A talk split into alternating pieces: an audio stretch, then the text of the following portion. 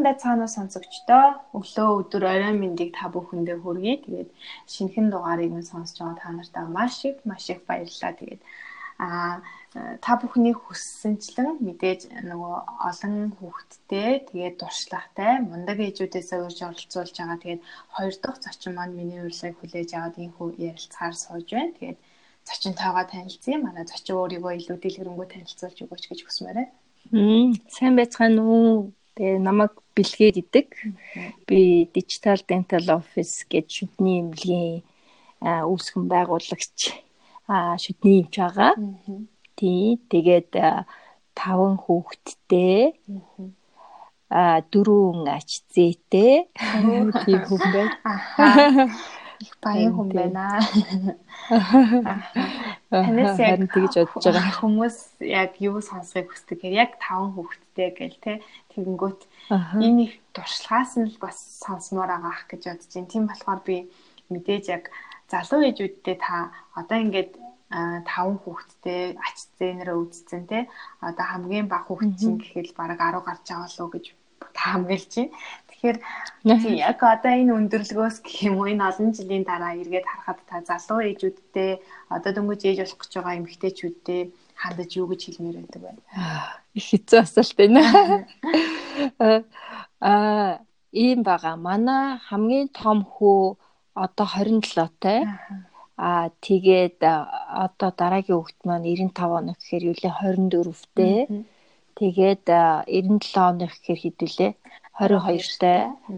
Тэгээд одоо нэг хүү маань 11 нас хүрнэ. Аа яг Кристмасаар төрсөн. Аа дөрөв дэх одонгийн хүүхэд маань. Аа тэгээд тав дахь хүүхэд маань болохоор одоо 5 сарын 22-нд 8 нас хүрхий. Тийм хүүхдүүдтэй. Тэгээд хамгийн багыгаа бас 40 жилийн гарчаад бас төрсөн байгаа.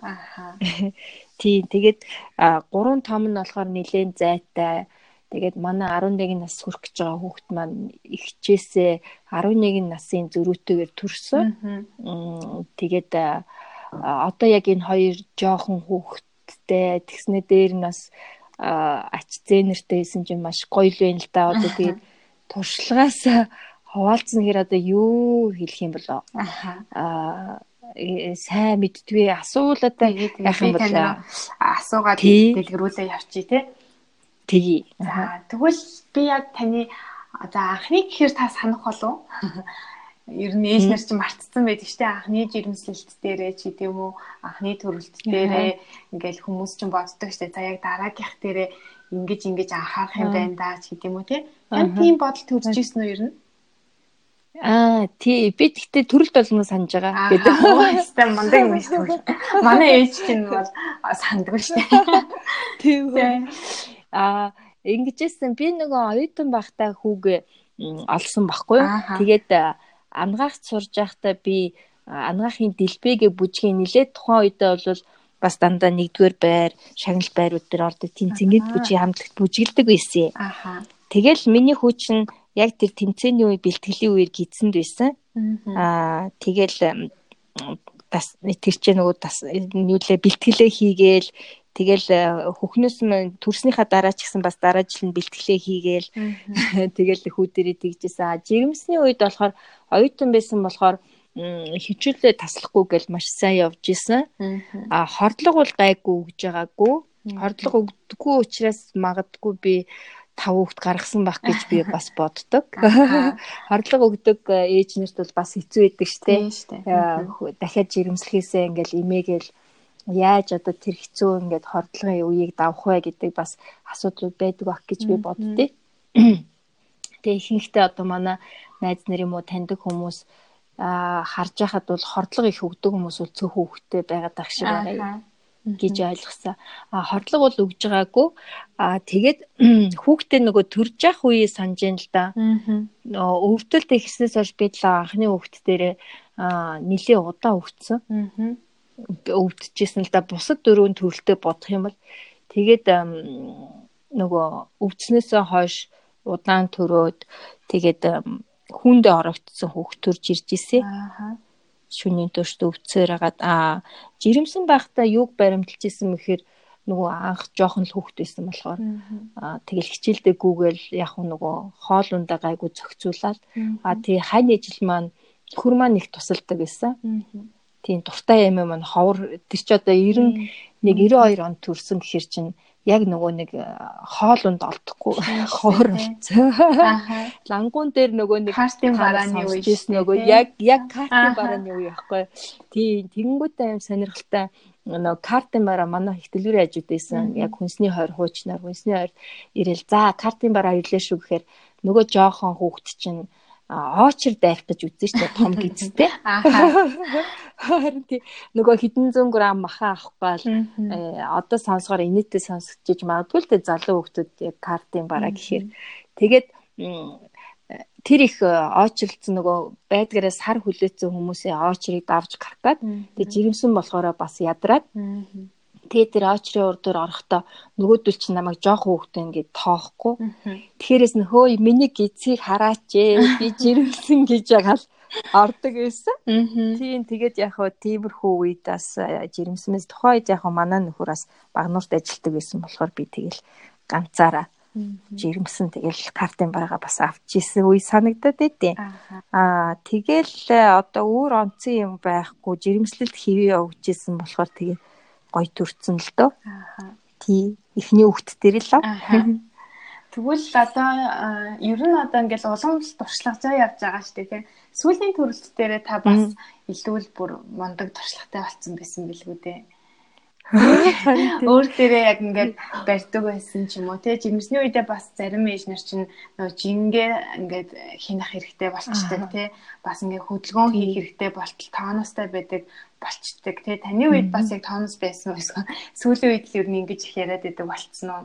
Энэ талаар бас та ярьж өгөөч. Аа одоо бодоод тахаар тооноос ер нь гайгүй байсан юм байна.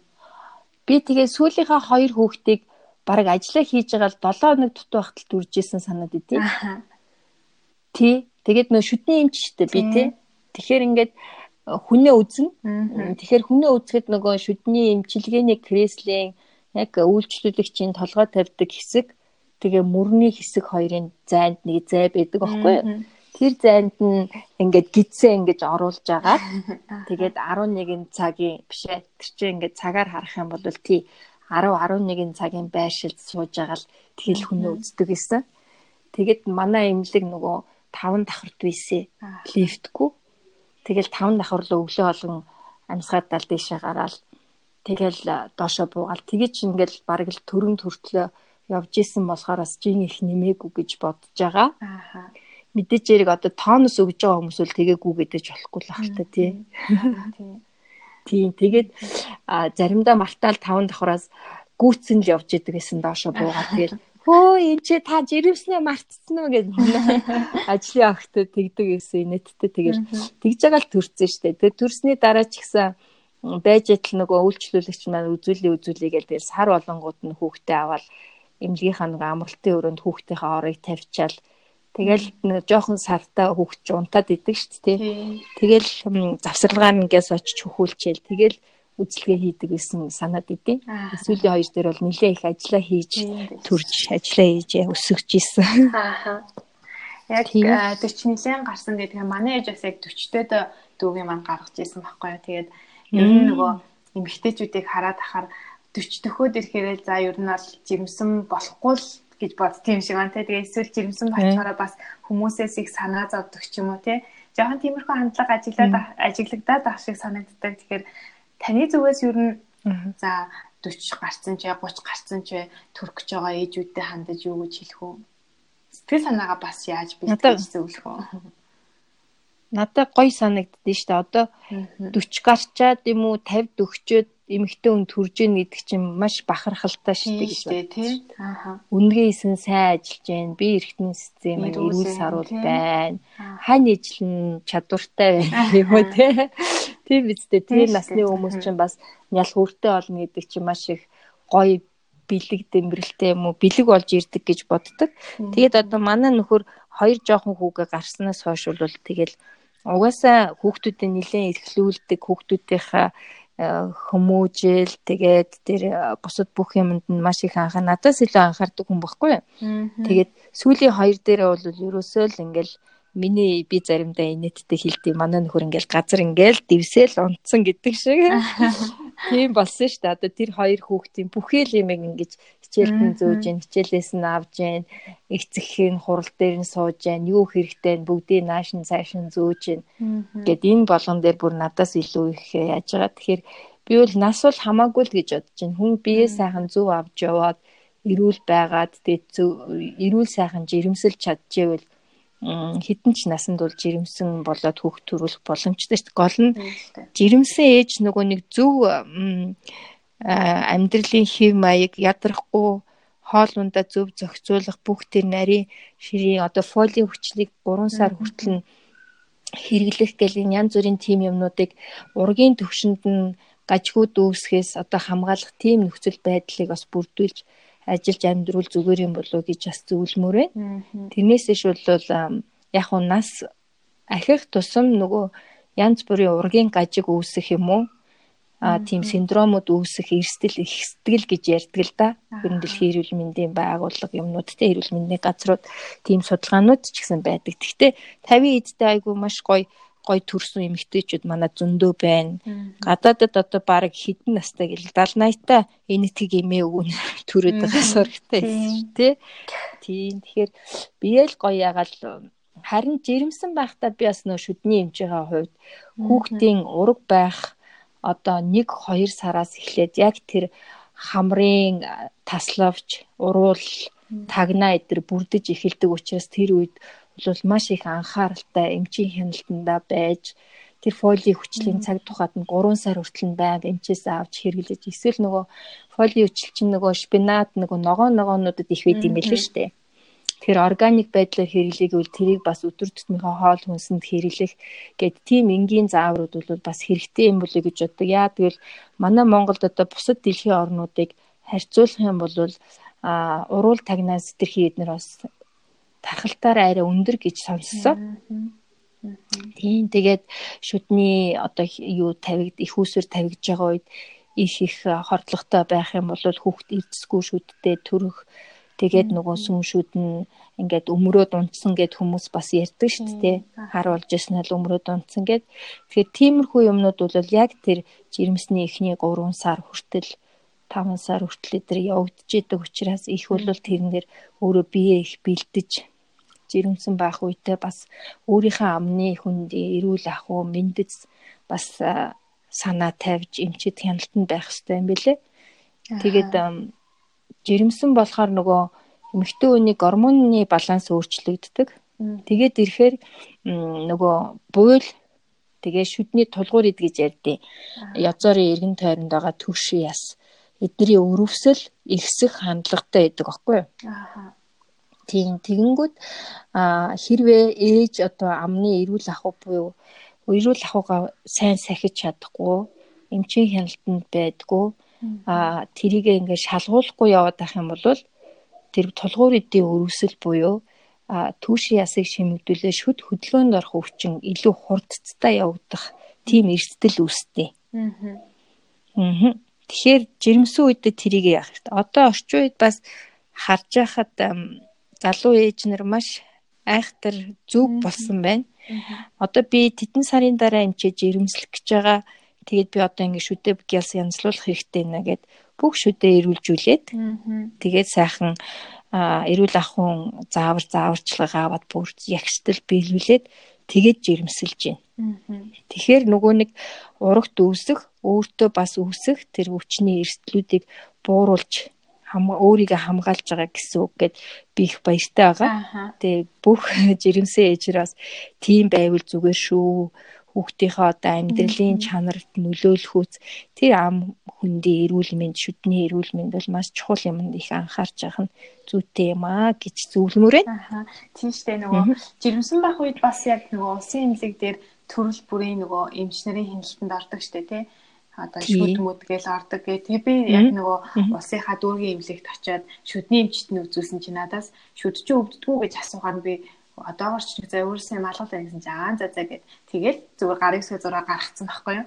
Тэ би бүр гайхаад шүтний эмчнэр чи уул ингээл тэ ядаж ингээ татрахын хармаар тэ үзлэг хийх ёстой юмарыг яагаад гэсэн бол гэ бүр тусдаа хувийн эмнэлэгт очиж ийж шүтнүүд маань за хорхоцсон болом тавиулж тэ янз дууж яажсэн баггүй.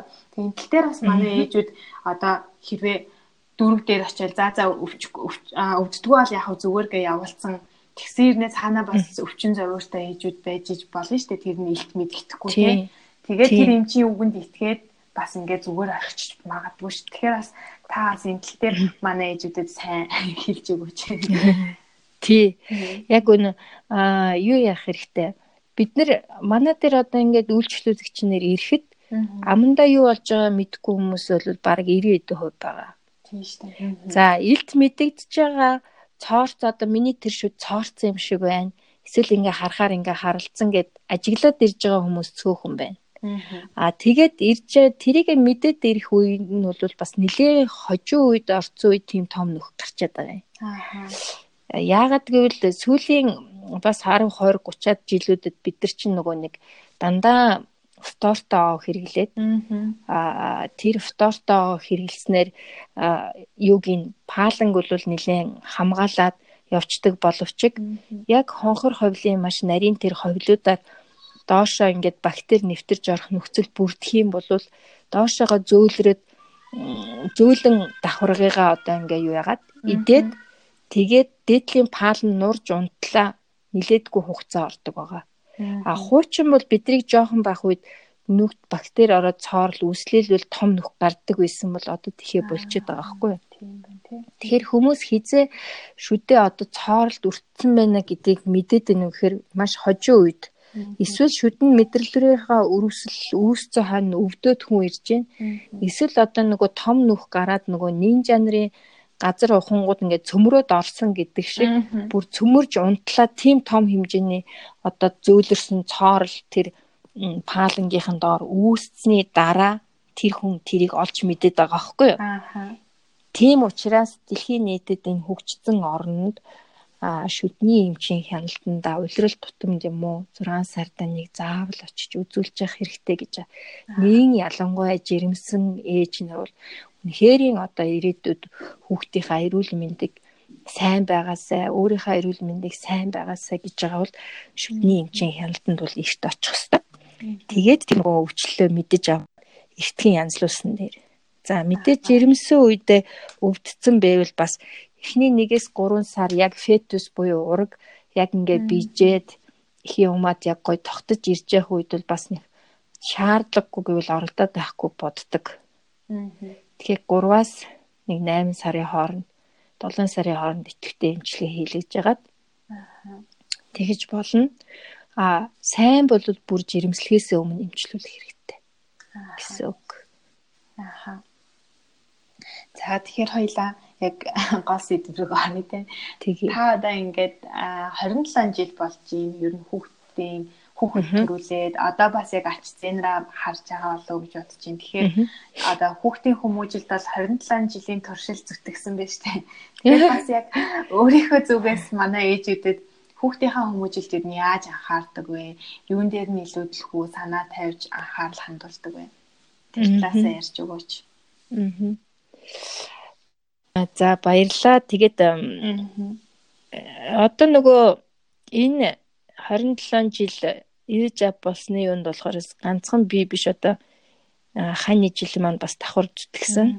Яалтчгүй надаас илүү мундаг зүтгэсэн гэдгийг би подкастыг одоо ашиглаад анда баярлаа гэж хэлмээрээ миний нөхрийг Бацангил гэдэг. За тэгээд А яагаад би энийг бас цохон тэмдэглээд байгаа юм гэхээр одоо жишээ нь миний гурван том хүүхдийг жоохон байхад баг охин маань дөнгөж одоо 7-наас чүрээг байхад нь би Япон руу явцсан. Японд анагаах ухааны докторийн зэргийг хамгаалах гад 4 жилээр явсан баггүй. Тэгээ тэр миний эзгүй хугацаанд бол манай нөхөр одоо тэр гурван хүүхдийг өсгөж хичээл сургуульд нь явууж даалгаврыг нөгөө түрүүний хэлсэн бүх одоо. Сургууль соёлтой холбоотой тэр хүүхдүүдийн өдөр тутмын амьдрал аж ахуйтай холбоотой одоо тэр бүх асуудлыг манай хүн шийдэж исэн. Мэдээж эрийг би Монгол руугаа нөгөө амралтаараа нэг судалгаа маань Монголд авцсан байсан учраас 3 жилдээ 3 удаа ирэх надад завшаан тохиолдож байсан. Гэхдээ л тэр өдрөө болгон 24 цаг тэр 3 жоохон хүүхдийг ингээд өсгөж хүмүүжүүлэхэд бол тэр ганц эрэгтэй хүн ингээд оролцоод явж гэнэ гэдэг нь үнэхээр бахархууштай тэгээд би одоо ханигаа одоо хүүхдүүдийг маань ийм сайхан зөв хүмүүжилтэй тэгээд ийм сайн хүүхдүүд болгож өсгөж яг тэр чухал тийнейж өсвөр үеийн нөгөө нэг зан ааш арын шин тавигддаг тэр үед нь бол манай нөхрийн оролцоо их байгаа байхгүй юу. Одоо ч гэсэн энэ хүүхдүүдтэй тийм ханддаг байгаа. Тэгэхээр гэр бүлд нөгөө нэг хань ижлүүд эхнэр нөхөр хоёул хоёулаа зэрэг хүүхдүүдийнхаа хүмүүжилд оролцож одоо ганцхан эмэгтэй хүн биш. Тэгэж явах юм бол хос багын шиг тэгэж явах юм бол үр хүүхдүүд нь одоо ирээдүйн бас гэр болох амьдралд нь үлгэр жишээ болох юм болов уу гэж бит хоёр итгэдэг байхгүй? Аа. Тийм. Тэгээд одоо аав ямар байдалтай гэрте байна уу те? Ингээд зүгээр сони уншаа суугаад байна уу ч гэдэг юм тийм биш. Ингээ итгэвтэй тэр амьдралд ингээ оролцоод а эхнэртэй туслаад эхнэр нь нөхөртэй туслаад гэд ингэж явхаар ирээдүйд одоо энэ Монгол улстай улс их орондоо хэрэгтэй хүмүүс хүмүүжүүлэхэд бас зүгээр нэг итгэхгүйгээр бид нар хүмүүжил явуулдаг юм болоо гэж ойлгодог үлгэр жишээгээр. Тий, тэрээс яг суулгачаал за тийхгүй шүү, ингэхгүй шүү гэдэг иш Монгол хүмүүсээ эрт дээрээс уламжлалт ирсэн хүмүүжлийн гол онцлог болохоор нөгөө дагалдан сургах юм билээ л дээ гэж би ойлгоод байгаа хгүй. Жишээ нь хөдөө малчид ингээл яаж яхад өглөө ингээл эрт босоод үнээгээ саагаал тэгэл туглаад тариулаад ингээл ингээл юмнууд явагдаж штэ тий. Тэр бүх амьдралын химнэл тэр юмнуудыг болохоор хизээч тэд малчтад хүүхдүүдтэй заадгүй. За чи яг тэдэн зарт босоод ингэ шүү тгий шүү гэдэггүй. Тий. Тэгэхээр тэрийг ингээл дагаал харсаар агаал харсаар агаал галт ухамсартай тэр хүмүүс тэр юмыг бүгдийг бичээж явж идэг гэж би ойлгодог байхгүй? Тэгэхээр тиймэрхүү маягаар хүмүүжил явагдсан болов гэд. Аа би бол мэдээж хэрэг ээжийн хувьд бол ээж хүний одоо бие яаж авч явж байгаа, хүнтэй яаж харьцаж байгаа, хүүхэдтэйгээ өөрөө яаж харьцаж байгаа эдгээр бол маш чухал үед юм болов гэж боддог. Ялангуяа нөгөө хүүхдтэйгээ ярьж байгаа ярианы өнгө аяс хүүхд рүүгээ харж байгаа харц тэр ширүү харж байгаад зөөлөн хэлсэн ч гэсэн ширүү харж байхад тэр хүүхд яаж ойлгох вэ гэдэг юм уу те? А ингээд биеийнхаа хөдөлгөөнөр тэр үйлдэлүүдээ бас давхар үгээ ингээд баталгаажуулах ч гэдэг юм уу эсвэл хэлж байгаа үгөө эсэргүүцэх юм харагдуулах ч юм уу тэр янз бүрийн хүүхдүүд их нөгөө мэдэрч авдаг юм болов аа тий. Одоо хичнээн би ингээд чи одоо тгийг мэгэг ус мөртлөө? Өөрөө амьдрал дээр бас тийм биш байх юм бол тэр хүүхдэрийг хэрхэн хүлээж авах вэ тэгэхээр нөхөр битайны гол хүмүүжлийн баримталдаг зарчим бол өөртөө яг зөв байх хийг хичээдэг. Тийм. Өөртөө амлсан бол амлалтаа биелүүлэхийг хичээдэг. Чадахгүй бол чадахгүйгээ хилдэг ч гэдэг юм уу. Тиймэрхүү энгийн юмнууд дээр л байдаг гэж би ойлгодог байгаа. Аа тэгээд хүүхдүүдтэй бид нар эд хогшил хувц сунар тийм эд баялаг авч өгөхөөсөө илүүтэй а тэр хүүхдийн оюун ухаанд нь зөв юм суулгаж өгөх зөв бодлыг суулгаж өгөх, өөртөө итгэх итгэлийг суулгаж өгөхийг хүсдэг.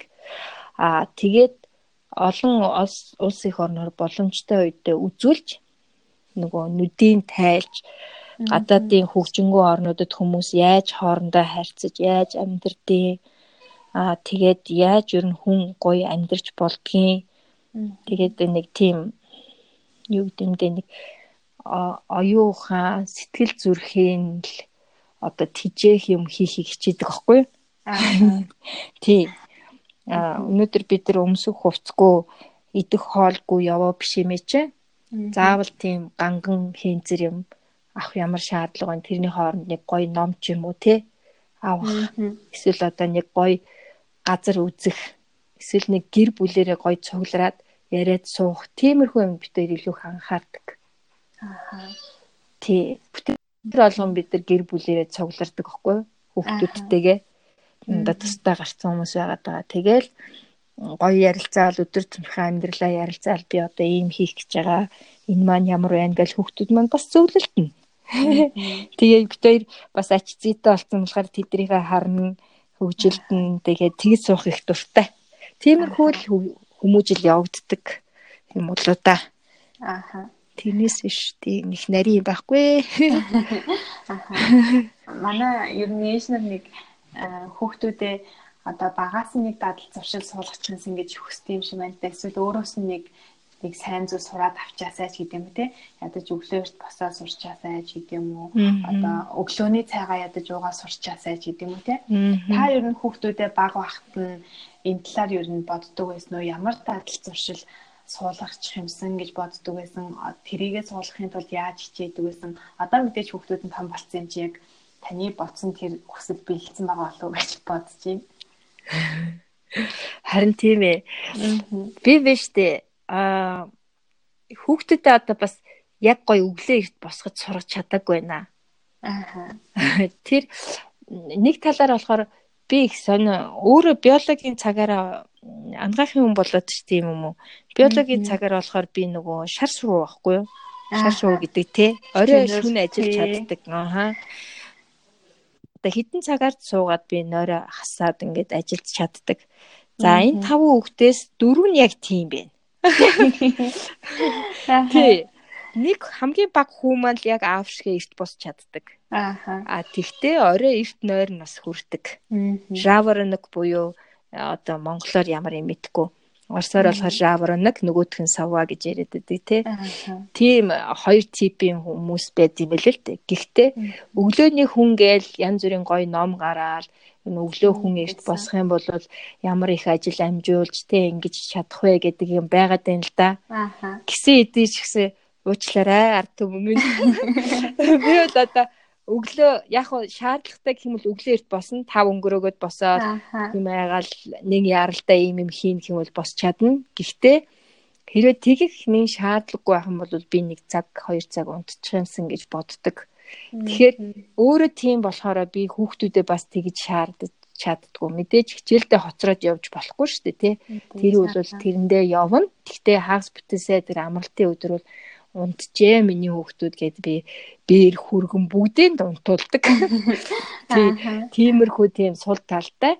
Тэгээд сүүлийн үед манай нөхөр олоод уншчихжээ интернетээс аа хүшээ миний хараа нөгөө юу эмэгтэй хүн чинь эрэгтэй хүнээс илүү унтах ёстой байд юм байна. Тэгэхээр миний хараа бүр сайн унтжээ. Тэгвэл ерөөсөө болохгүй эдээс чинь сэрэгдгүүн байна гэдэг. Сүүлийн үед амар хөөрхөө а би хагас дээр өглөө ажилт юм л да. Тэгээд бүтээ сайдар дээр бүр чи сайн унт гэд орой ч гэсэн бити орой их ажил хий одоо унт гэл Тэгээд их тэгж халамжлах болсон. Тэгэхээр яг хөө битэрийн хүмүүжлийн нэг жоон сул тал нь хүүхдүүдээ их хэтэрхий хайрлд юм болоо да. Хайрлал үгээ нэг сонсно, хүсэл мөрөөдлийн бас их сонсно, дэмжин. Тэгээд ингээл тухайн нэг насныхаа нэг үе шатн дээр жишээ нь манай хүү Батбилэг гээд нөгөө UB comedy-гийн батагаар хүмүүс тий бата тий бата манай хүү аахгүй. Тэгээд бата маань юу яадаг жоохон байхдаа ингээл сокер нөгөө юу хүл бөмбөг тий хүл бөмбөг их тоглолдог гэсэн ээж нь хүл бөмбөгийн янз бүрийн одуудын тухай ном Дэвид Бекхэм одоо тий яаж өшөглөх техник одоо юу гэдэг тий тэр бүх юмны номыг ингээл Лондонгоос авчираад Японоос авчирал ингээл тэр юмнуудыг миний хүү үзэл гоё инспирэшн буюу нөгөө дим аваа сэтгэлийн дим аваад явдаг гэсэн. За тэгэл байж исэн чинь дараа нь гитар сонирхож эхэлсэн. Гитар тоглоол. Гитар тоглохоороос нь за боломжаараа ийш тийшээ явахдаа сургалт гээд би бас их гадаад руу их явтыг. Тэгээд сургалт гээл явахаараа эндээсээ нэг бас гитар авчирж байл. Эндээсээ нэг гоё соло гитар. Тэгээд нэг манай өвч чинь нэг дөрвөн гитар метартай олцсон бас. Тэгээ бас хөөрхөн гитар тоглолчин. Тэгэл хүүхдүүдийнхээ яг хүсэж мөрөөдөж байгаа юмыг би бас бит хоёр бас биелүүлэхийг хүсдэг. Аа тэгээд октод маань ч гэсэн бас хөөрхөн хөөрхөн тим их нэг талын бит хоёрын давуу тал хүүхдүүдэд өсгөж хүмүүжүүлсэн гол зөв давуу тал бол хүнлэг гоё инэрэнгүй байх тэгээд шуналгүй байхыг зааж өгсөн юм болов. Тийм нэг юм хүний тийм нэг шунал гэдэг юм байхгүй. Тийм үсгэж чадсандаа бас баяртай байдаг. Тэгээд хүнийг инэрч хайрлах тэгээд аль болох зөв хайрцах тийм зан харьцааг хүүхдүүдэд суулгахыг хичээсэн. Тэр бас нэлээд суусан болов гэж би бодож байгаа. Найдаж байгаа. Тий. Тэгээд тийм байгаа. Манай хоёр охин ч юм болохоор нөгөө баг нь болохоор тэмүүлэнгээд итгэл гэлөө те итгэл гэд кинонд тоглосон. Тий. Ямар ч жүжигчин биш тэгэл чиста чадах юм уу гэл тэгжсэн чи бас аа хөөрхөн тоглолцсон л байлээ. Тэгээд мэрэгжлийн жүжигчд эдэр үзээд бас тэр нөгөө нэг борооны усанд ингээд зогсож авахсан хэсэг бол үнэхээр яг мэрэгжлийн жүжигчин шиг болсон мэн гэд хэлж ин лээ. Тэгээд би их баярлж исэн. Тэгээд тэр чинь нөгөө нэг кинон тоглохтой ингэдэм билээ штэ. Бүр ингээд нөгөө гал командын хүүтэн усаар ингээд шүршдэг. Тэгээд бүр өглөө нь бэрцээ орж ирсэн миний охин инээдтэй. Тэгээд тэгснээрээ тэр киноны бас яг тэр акшн гоё харагдсан юм болов бодсон. Тийм. Тэгээд дундах охин маань болохоор орхон гэд байгаа. Бас ихтгэл нэг эмийн санж болоо тоглолцсон. Тийм байсан тийм нэрээ. Ахаа. Тийм. Тэгэл тиймэрхүү хүүхдүүд байгаа. Бас хүүхдүүдийнхаа мөрөөдийг сайн сонсч үздэг болохоор ер нь яг мөрөөдөлтөө хүрч чадаад ах шиг байна те хүүхдүүд нь. Харин би бит хоёр тгийж бодож байгаа хүүхдүүдийг за яг вэ хүссэн юм а дуртай юм а хүн хийх юм бол илүү их дуртай гоё хийсээр байгаад амжилтанд хүрэх юм болов уу гэж бас итгэдэг. Тийм байгаа. За тэгэхээр гэр бүлийн харилцааны тухай бас ер нь гэр бүлийн ад жаргал гэж яг юу юм те? Юунаас эхэлтий ер нь юун дээр илүү анхаарах хэрэгтэй юм шиг юм уу? Таны хувьд юу гэж боддог вэ талаар. Аа гэр бүлийн ад жаргал гэл нэг нэгнийхээ амжилтанд баярлах. Нэгэн сэтгэлээр унаад хэцүү байдалд байхад нь дэмжих. Тэгээ тийм нэгдмэл нэг нэгийг гэсэн сэтгэл байж байх нь болоо гэр бүлийн ад жаргал юм болоо гэж боддог. Тийм болохоор мэдээж эрэг одоо энэ тавг тавуулал өөр арын шинтэй өөр хүсэл мөрөөдөлтэй тийм хүүхдүүд байна. Тэгэл тэр тэгсэн хэдий ч гэсэн одоо нэг ээжээс нэг ээж аваас унсан нэг гэр бүлд өссөн. За нэг ээж аваас өсөөгүй ч хүмүүс байж болно шүү дээ. Ер нь нэг гэр бүл. Гэхдээ тэр гоё нэг халуун дулаан тийм хайрыг мэдэрсэн, нэг нэгээ дэмжсэн тийм байвал одоо гэр бүлийн ад жаргал юм болоо гэж боддог. Тэгээд гэр бүл гэр бүлэл юм чинь хаяа муудалцах юм байна. Санал зөрүүлдэх юм байна хаяа нийлээд бүгдээрээ орилолдоод баярлах юм байна. Аа. Тий. Тэгэл яг нөгөө хүний дотоодтой байдаг тэр гоё сайхнаараа байж чадах юм бол тийм хуурамч дүр төрх биш. Тийм байх юм бол хүн аж аргалтай байх юм болов гэж би бас хүүхдүүдээс сургадаг. Аа тэгээ сүүлийн жилүүдэд би нэг өөрийнхөө юг юм өөрчлөгдөд байгаа аахгүй юу. Аа дотоод нөгөө нэг гоо сайхан гэж хүмүүс их яриад байгаа тий. Тэр өөрийн энерги, тэр гоё зүрх, сэтгэл тэр юм аа л гоё цэвэрхэн гоё байлгах, энгийн байлгах гэдг нь л илүү гоё юм болоо гэд. Тэгээ хүн бүр яг өөр дээрээ анхаарад тэрийг гоё байлгаж чадах юм бол аяанда тэгүр бүлд уур амьсгал гоё байх юм болов гоё байх баха гэж итгэж байна. Тийм тэгэл нэг хүүхдүүдэд би загнаал ч юм уу те чи тэгсэнгүү тэгэх ёстой гэл ингэхээсээ илүүтэй би өөрөө өөрөө л өөрийгөө засаал өөрөө хүүхдэд загнахтаа илдгээр хилээч гэдэг юм те ухааруулахтаа тэгэж чадах юм бол тэр хүүхдүүд надаас копи пест хийгээд тэгэл зөв хүмүүс зөв. Яг миний хүсэж байгаа хүнийг а би хүүхдүүдээс харахыг хүсдэг аахгүй юу Тэгэхээр одоо юу гэж хэлэх гээд байна гэхээр одоо өөр хүн надтай яаж харьцахыг би хүсэж байна. Одоо надтай ийдэг гоё соёлтой боловсон зөв харьцаасаа гэж хүсэж байгаа шүү дээ болгоо. Тэрнтэй адилхан би бусадтай тэгэж харьцах хэрэгтэй юм болов гэд тэгэж харьцах хичээдэг л дээ. Тэгээд хүүхдүүдтэйгээ ч гэсэн буруу юм хийхэд нь одоо зөв хэлэх яагаад тэгж байгаа. А тэр буруу үйлдэлийг би яагаад ингэж дургуутж хүлээж авч хилээд байгаа гэдгийг өөрийнх нь төлөө юм шүү гэдгийг бас ойлгуулахын тулд зөв ярих. Ухааруулж тэгэж хэлхэл зөв юм болов уу тэгээд хизээч бас нэг хүүхд рүүгээ орилж чаралж тийм болдгоо штэ. Тэгээд шаардлага байдгүй. Тэгэхээр хүүхэд маань жоохон ч гэсэн хүн чинь яг гой харьцааг хүсэж байгаа. Тэгэхээр хүүхдэд тайлбарлаж сайн хэлээрээ гээд олон олон хүмүүжүүлэгч нар бичсэн байдаг ш ном зохиол юм дээр ч яригддаг. Тэгэхээр бяцхан гэлтгүүл тэр хүүхдэд үнэхээр би хайртай учраас энэ үгийг би хүүхдэд муу явуулахгүй гэдэг юм уу буруу юм хийлэхгүй төлөө хайран дээрээ суурлаад зөв хэлж байгаа юм шүү гэдгээ ойлгуулах хэрэгтэй юм шиг байна. Аа. А тэгэхгүй яг зөв хүүхдээ чи буруу яагаад дээштэй гэсэн мөртлөө амар дургуун хүнтэйгээ ярьж байгаа юм шиг ярихаар хүүхд тэрийг хүлээж авахгүй. Аа. Тийм ингээд эсэргүүцээд идэв юм байна. Тий. Дургуун хүн рүүгээ бид нар ингээл амар уурлал ярьдаг штэ тий. Тий штэ. Тэрэн шиг хүүхдтэйгээ уул нь хайрлаад яриад байгаа мөртлөө тийм сэтгэл төрүүлэхээр ааха нөгөө хүүхд ч юм уу шууд харж байгаа л байдлаа харна штэ. Ээ тийм царай нь ямар болцсон байна вэ? Нүд нь амар болцсон байна? Дөө ямар болцсон байна вэ те? Чинь тэгэл айц төрөөл хүлээж авах юм байхгүй.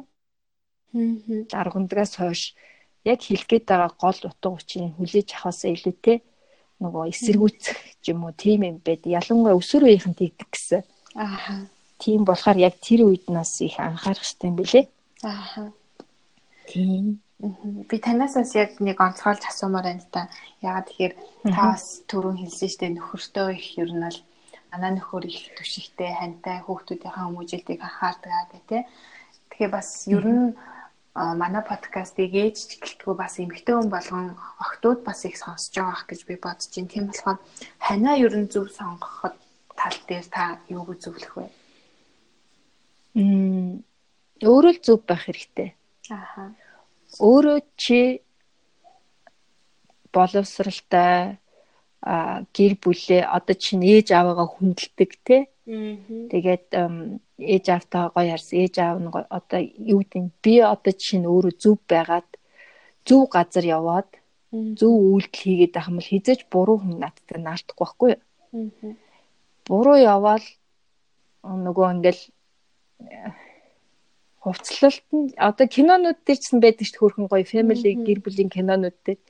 Хэрэг чи юм одгор юу бүг өмсөөл ингээл ингээл янз бүрийн юм өмсөөлтэй тэгэл амар э, хаанч байдгийн орой үдшийн цэнгүүний газар явуулах юм бол тэр хизээч нөгөө нэг тийм бас олоход ховор э, тааралдахад ховор гэх юм уу одоо юу гэх мэдгүй л дээ би амар хуучимсаг гэж байгадаггүй уучлаарай тий бас тэр сайн хүмүүс ч гэсэн байгаад байх. Тэгтээ а хүүхэн өөрөө зөв байгаа зөв харьцаатай байх юм бол хизээч муу хүн таарахгүй болов гэж би боддог.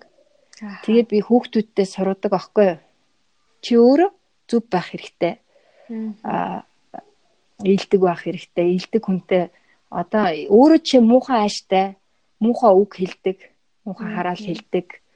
Тэ бие муухай буруу авч явдаг одоо тамигтай татдаг арих уудаг ч гэдэг юм ингээл альч насны хүн байж болно л та. Эсвэл хүмүүстэй дандаа хэрүүл хийдэг ч гэдэг юм уу хүмүүсийг дандаа муулдаг ч гэдэг юм уу. Ингээд нэг тим байгаад байх юм бол тим хүмүүсийг л өөртөө татаад байна. Яагаад гэвэл тэд хоорондоо тохироод байгаа. А тэгэхээр гэр бүлийн амьдралд хүн тим юм хүсэх үү гэдэг бас байгаа. Тэр миний философи болгож байгаа нь тийм байгаад байгаа. Аа хин хин нэг хүнийг ингээд тийм ингээд тийм зөв хүн ингээд ингээ хайх биш би өөрөө зөв явж итэл зөв хүн угаасаа тааралдана гэж хэлэх гээд байгаа гэсэн үг. Тэ. Тийм тэгээ бас нөгөө охтууд чинь жоохон охтууд бол бас мэдхгүй штэ юуг ер нь хүлээн зөвшөөрөх ёстой юм те юу ер нь юуг ер нь бол одоо байж болох зүйл гэж бодох ёстой юм гэдэг юм. Одоо ингээ ер нь харж байхад хэрвээ одоо ингээ уулзж байгаа хүн арх согтууруулахундаа хэрэгэлдэг бол энэ үнэхээр хүлээн зөвшөөрөөд цаашаа өргөжлүүлэх асуудал мөн үү биш үү гэдэг юм уу те. Энэ тал дээр та бас а одоо өстой болохгүй. Шууд одоо ер нь одоо нөгөө гэр бүл болох гэж байгаа хүнээ ч гэдэм үү үлдэж байгаа хүнээсээ ямар зан характерыг нь хараад энэ хүнтэй бол ер нь болохгүй юм биш үү гэж дүгнэх хэрэгтэй гэж хэлэх бол. Аа. Ийм юм бэлээ. Одоо би өөрийнхөө туршлагаас харж байхад одоо жоохон байхад залуу байхад бол хүн ингээл дурлах юм ингээл татдаг хүн татагдсан шүү дээ. Аа тийм. Тэгэл тэр үед чинь нөгөө гин ялах юм болохоор хэн ямар хүн гэдгээ ч мэдэхгүй л таалагдсан бол тэгэл таалагдсан гээ үерхэд байгаа штэ. А тэгэхээр тэрэн дээр бол эцэг эхийн гэр бүлийн хүмүүжил маш чухал байгаа даа. Аа. Одоо би болохоор жоохондоо ингэдэг байсан. Би ерөөсөө хань ижил болох хүнхтэйгэл анхудаа одоо нөгөө те нарийн нандин харилцаанд орно гэдгийг би толгондоо суулгацсан байсан. Аа тийм ч учраас тиймэрхүү одоо нөхцөл байдал ус. Тэгэхээр одоо жишээ нь эмчийн хувьд ингээ харж байхад өсвөр насны хүүхдүүдийн нас нь бүр өсвөр наснд хүрсэн гэдэг нас бүр залуучсан байна. 10 нас 11 насаас эхлээд байна гэдэг байгаа байхгүй юу? Хуучин бидрийг өсвөр насыг 16 7 8 нас гэж боддог байсан бол одоо бүр эрт одоо тэр нөгөө өндгийс нь боловсрж जैन эрэгтэй хүүхдүүдийн нөгөө те ингээд юу боловсрж जैन гэдэг байгаа байхгүй. Тэгэхээр тэр хүүхдүүдийг одоо сонирхт эсрэг хүүсээ сонирхдаг насан ч гэсэн залуужж байгаа гэсэн үг.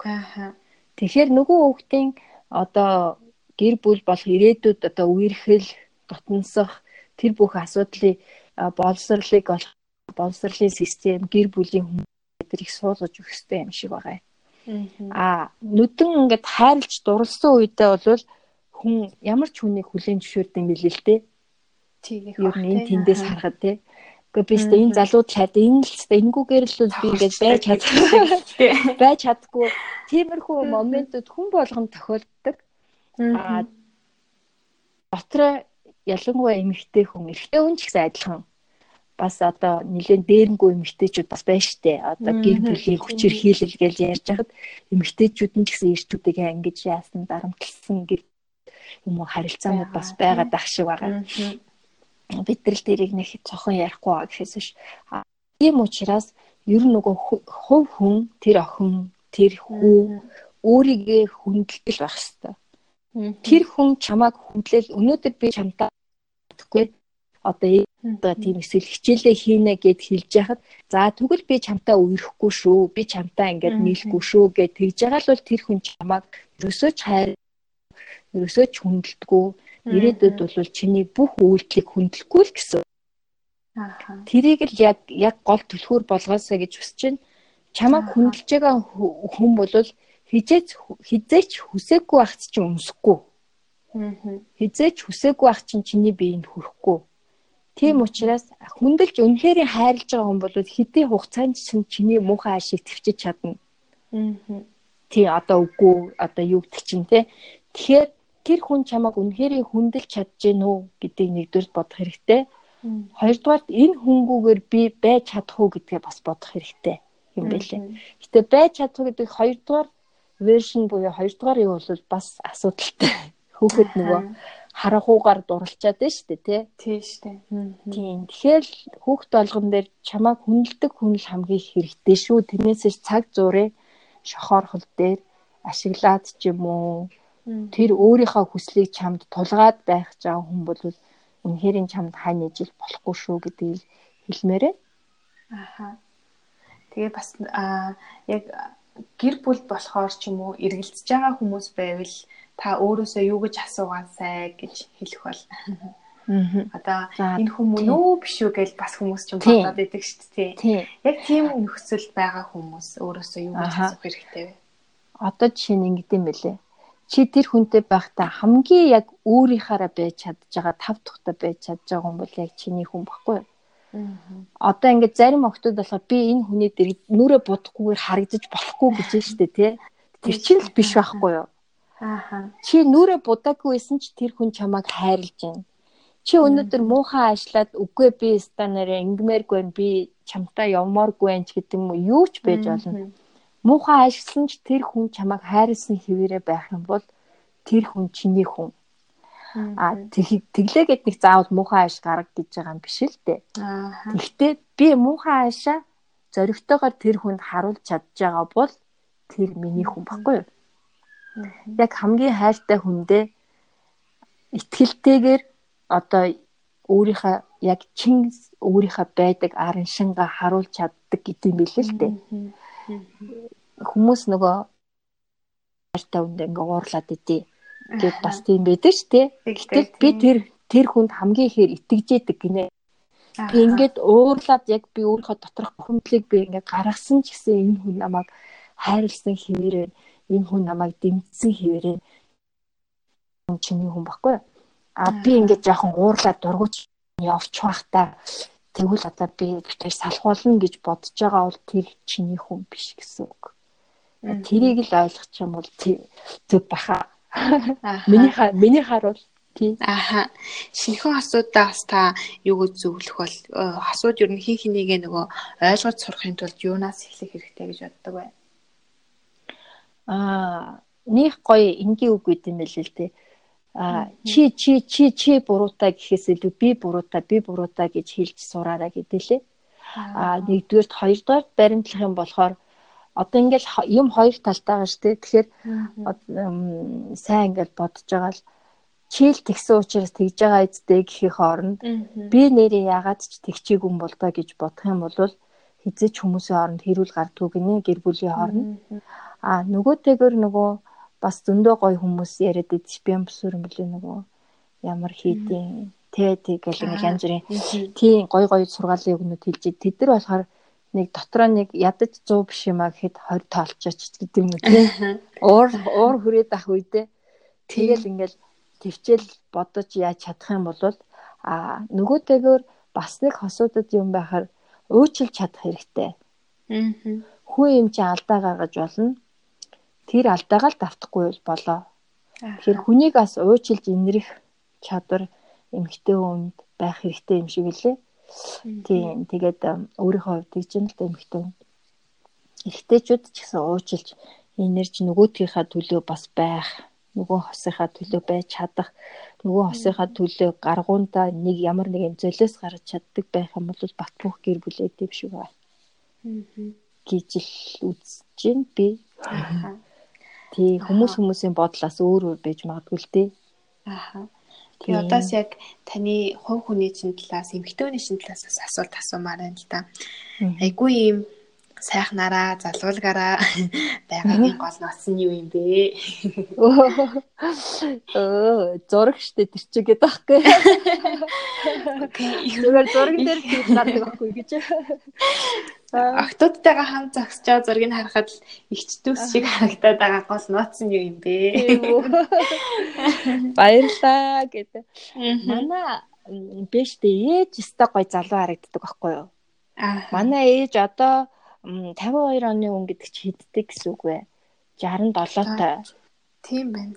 Тий, одоо дөнгөж нэг 58 9 юм шиг дүү харагдахаар шүү. Бараг л ер нь. Тэгэхээр манай ээжийн маань ээж бас их гоё эмэгтэй байсан.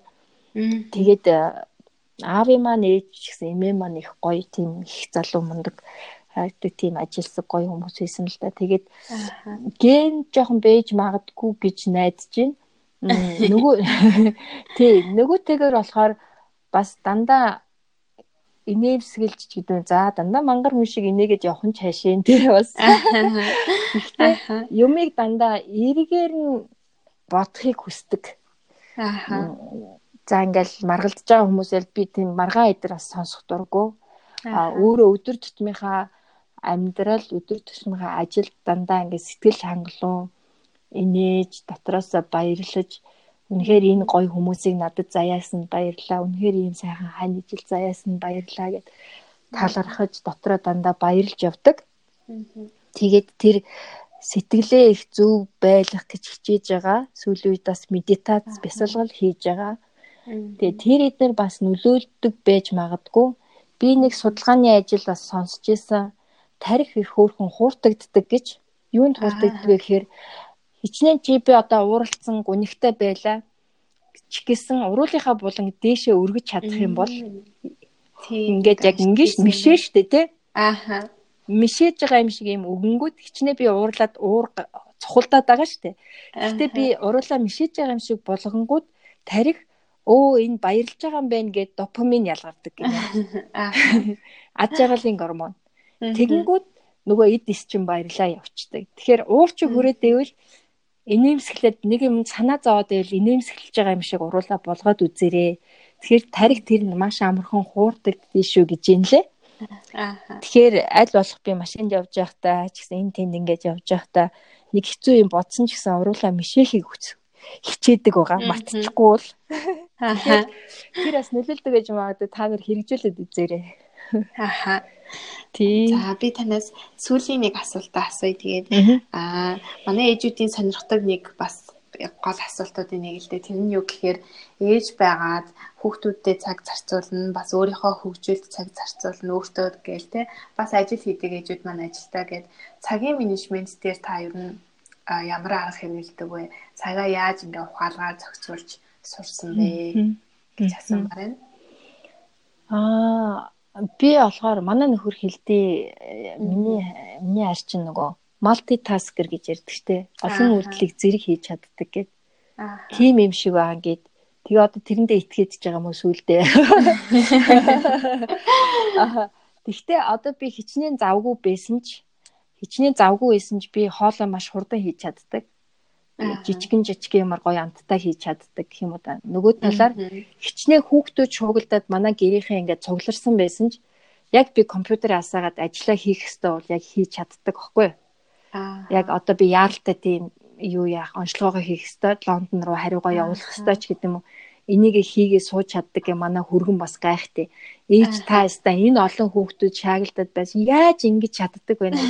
Мэдгүй одоо сурцсан болов. Тэгээ одоо ингээд эргээд харахаар бит хоёрын 30 жилийн ой болох байна. Хань эзэлтэйгээ гэр бүлгээ батал баярлаа. Тэгэнгүүт ингээд таван хүүхдэн дараараа гэж байна штэ. Тэгээ эргээд харсан чинь энэ мэрэгжлийнхаа югаар 10 гаруй оронд 100 гаруй мэрэгжлийн нарийн нарийн сургалтуудад сураад амжицсан байгаа байхгүй юу? Тэгээд харин тий. Тэгээд анаахууны доктор, анаахууны магистр хамгаалаад тэгээ сая надад жил нэг Харвардын T2T-гээ проектод сураад одоо Лондонд гажигцлын гүнзгийрүүлсэн 14 сарын сургалтанд сураад гэд ингээд энэ бүх юмд яваад байгаа. А энэ дээр хамгийн гол цагны менежмент дээр хамгийн гол төлхөөр манай нөхөр байгаа. Үнэхээр гэрийг ингээд хойно ингээд ар нуруу болоод миний хайр яв яв яв те сур сур сур тэгээ энэ хооронд би ингээ хүүхдүүдэд бүх юма зохицуулж чадна гэд дэмжлэг байгаа учраас энэ болж байгаа шүү. Тэгээ хандаа дахин талархъя. Хүүхдүүдтэй бас талархж байна. Ээжигээ ойлгож бас ингээ явуулж ээжгүүгээрээ байж чаддагт нь. Аа. Тий, ийм лээ. За бэлгээгчтэй маш их баярлалаа. За та нарт намун надаа маш их баярлалаа. Тэгээд их гоё проект явуулж байгаа юм байна. Залуу ээж нар, залуу охтууд, хөвгүүдэд өнөөдрийн бас ярианаас авууштай ч юм байсан бах авахгүй юмнууд байсан бах тэгээд намайг эндээ бас урьж оролцуулсанд маш их талархаж байна. Баярлалаа та нартай. За танд маш их баярлалаа цаг зав гаргасанд. Аа за баярлалаа. Сайхан амарцгаагаарай. За сайхан тэгээд сонсогчдоо дараагийн дугаараараа ирээд уулзцгаая баяртай.